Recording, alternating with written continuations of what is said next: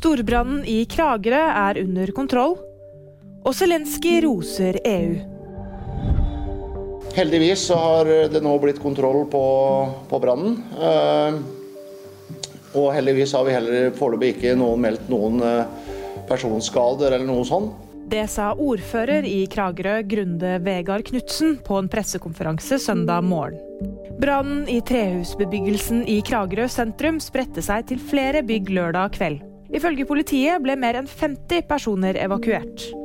Brannvesenet jobber fortsatt med slukkingen, men sier det ikke lenger er fare for spredning. Det er så langt uklart hvordan brannen startet.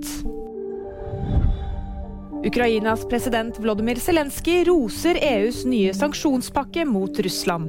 Zelenskyj sier den er kraftig og rettet mot militærindustrien og finanssektoren i terrorstaten og mot propagandamaskineriet som prøver å spre løgner verden rundt.